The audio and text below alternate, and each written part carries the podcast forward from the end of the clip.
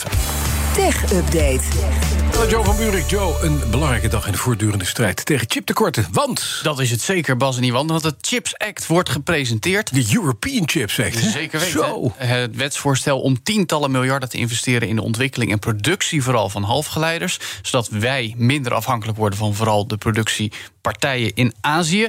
De productie moet dan tussen nu en 2030 gaan verdubbelen.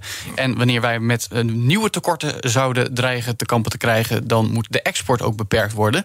Uh, Ursula von der Leyen als voorzitter van de Europese Commissie... heeft als totaalbedrag 42 miljard euro genoemd. Maar ja, dat moet dan wel samengesteld opgehoest worden. 6 miljard komt dan uit de begroting van de EU.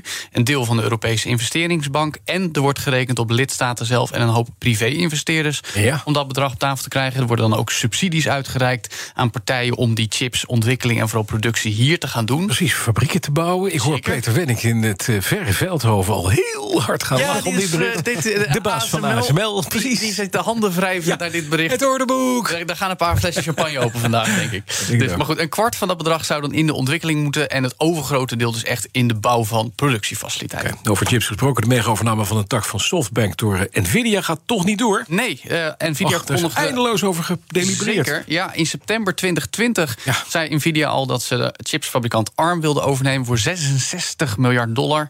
Maar ja, de mededingingsautoriteiten in Europa, het VK en de VS leken gelijk al een beetje ja, moeilijk te doen. Eh, vooral ook omdat techreuzen, waaronder Microsoft en Google, bezwaar aantekenden. Omdat ze allemaal bijna gebruik maken van het chipontwerpen van ARM. Ja, als dat naar Nvidia zou gaan, dan zou dat toch wel een beetje een probleem kunnen worden. De deal leek al niet door te gaan afgelopen maand. En nu meldt de Financial Times net dat die inderdaad echt is afgeblazen op basis van drie anonieme bronnen. Dat betekent dat Nvidia 1,25 miljard moet betalen aan Softbank. Dat nu heeft bekendgemaakt dat ARM naar de beurs gebracht gaat worden eind jaar. Dus het geld gaat in eigen zak en ARM krijgt een IPO. Ja, en wordt daar niet arm van. Nee. Een van de mannen die Facebook mede groot maakt is Pieter Thiel. Die trekt zich daar terug. Ja, uit de raad van bestuur van Meta, al sinds 2005 betrokken als investeerder. Verdiende daarvoor miljarden met de oprichting van onder meer PayPal. Maar van Thiel weten we ook dat hij altijd politiek actief is geweest. Invloedrijk als conservatief. En volgens Bloomberg zou hij zich nu meer gaan inzetten om de politieke agenda, eh, agenda van Donald Trump, die is er nog steeds op de achtergrond, te gaan pushen tijdens de aanstaande midterms, de congresverkiezingen. Ja, op uh, zijn zacht gezegd strookt dat niet helemaal met zijn rol bij Meta. Je kan je eigenlijk afvragen of het niet sowieso al veel te laat is. Want we weten van Thiel dat hij altijd veel invloed heeft gehad op Mark Zuckerberg. Ook heeft aangedrongen op die exclusieve uh, gebruikersgroei die Facebook natuurlijk heeft doorgemaakt al die jaren geleden al. En dus ook mogelijk zat achter het besluit om die politieke advertenties tijdens de verkiezingen van 2020 niet te factchecken. Ja. En daar is een hoop ellende van ontstaan. Nou, terwijl Spotify-medewerkers worden aangespoord om op te stappen, gaat het platform zelf in zee met FC Barcelona. Ja, dat is een bijzondere combinatie Ja. van ontwikkelingen. Nou, terwijl de toko in de fik staat, zou je kunnen zeggen, betaalt Spotify 280 miljoen euro om drie jaar de sponsor te mogen zijn van FC Barcelona. Dat meldt de Catalaanse radiozender RAS 1. Uh, maar ja, Neil Young die haalde dus muziek al weg... en heeft nu ook op zijn eigen website nog wat olie op het vuur gegooid... van die toko. Uh, die zegt, werknemers, neem ontslag, vertrek van die plek... voordat het je ziel opeet. Ik citeer.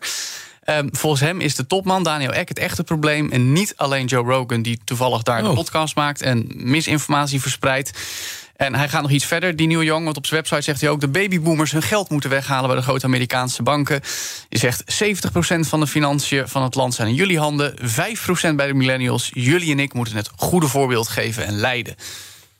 Oh ja, Neil.